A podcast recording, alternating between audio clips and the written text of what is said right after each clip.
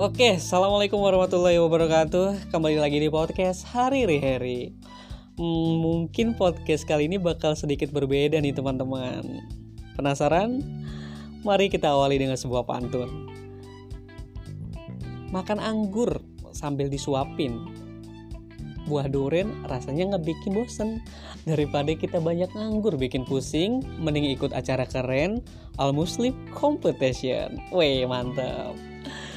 Jadi podcast kali ini saya bakal membahas tentang berbagi inspirasi positif.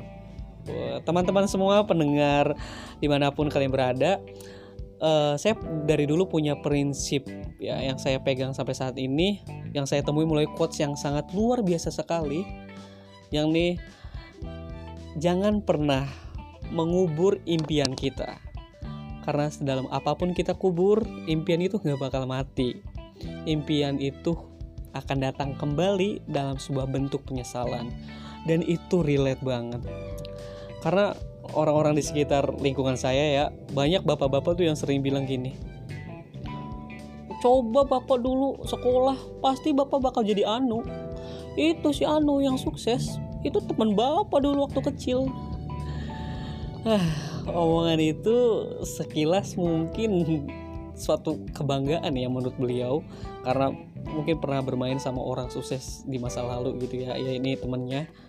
Tapi saya ngelihat saya amati itu adalah suatu bentuk penyesalan yang sangat luar biasa yang beliau alami di masa lalunya. Nah Pertanyaannya, ketika sudah berumur yang sudah puluhan tahun, mungkin para pendengar ada yang umurnya udah puluhan tahun gitu kan, eh, apakah sudah tidak boleh mempunyai cita-cita lagi? Ya jelas boleh dong. Karena selagi kita masih hidup, cita-cita tuh harus kita tetap kita punya, tetap kita perjuangin. Karena banyak orang, tokoh di dunia yang suksesnya di umur yang sudah senja. Contoh yang sangat luar biasa, yang fenomenal adalah Kolonel Sandres.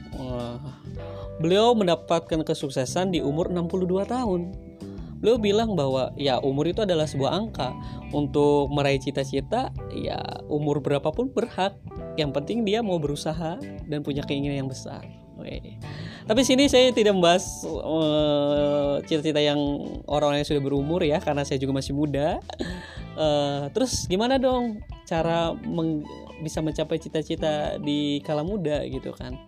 Syarat utamanya adalah untuk mengetahui bakat dan skill kita itu apa dulu.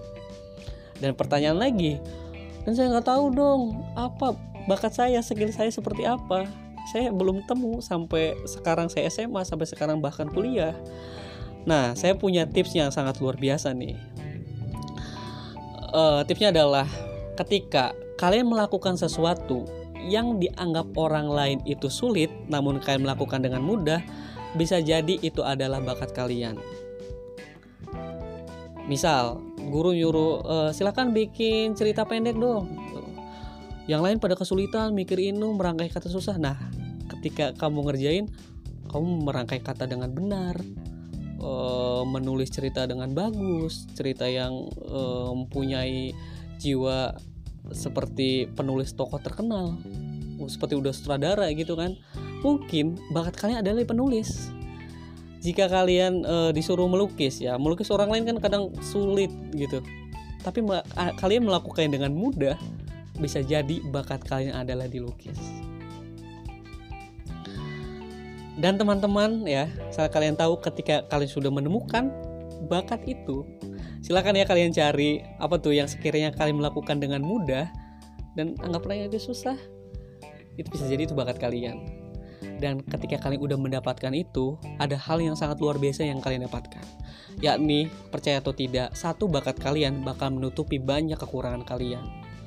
Mohon maaf nih banyak orang yang kekurangan fisiknya tapi bisa tetap dihormati karena bakatnya. Contoh sederhana adalah Profesor Stephen Hawking. Meskipun duduk di kursi roda, e, ngomongnya juga susah, tapi beliau tetap dihormati, tetap disanjung karena bakat keilmuan sangat luar biasa di dunia fisika. Mungkin itu aja teman-teman. Semoga menjadi e, inspiratif buat teman-teman semua. Oke, salam dari saya. Wassalamualaikum warahmatullahi wabarakatuh.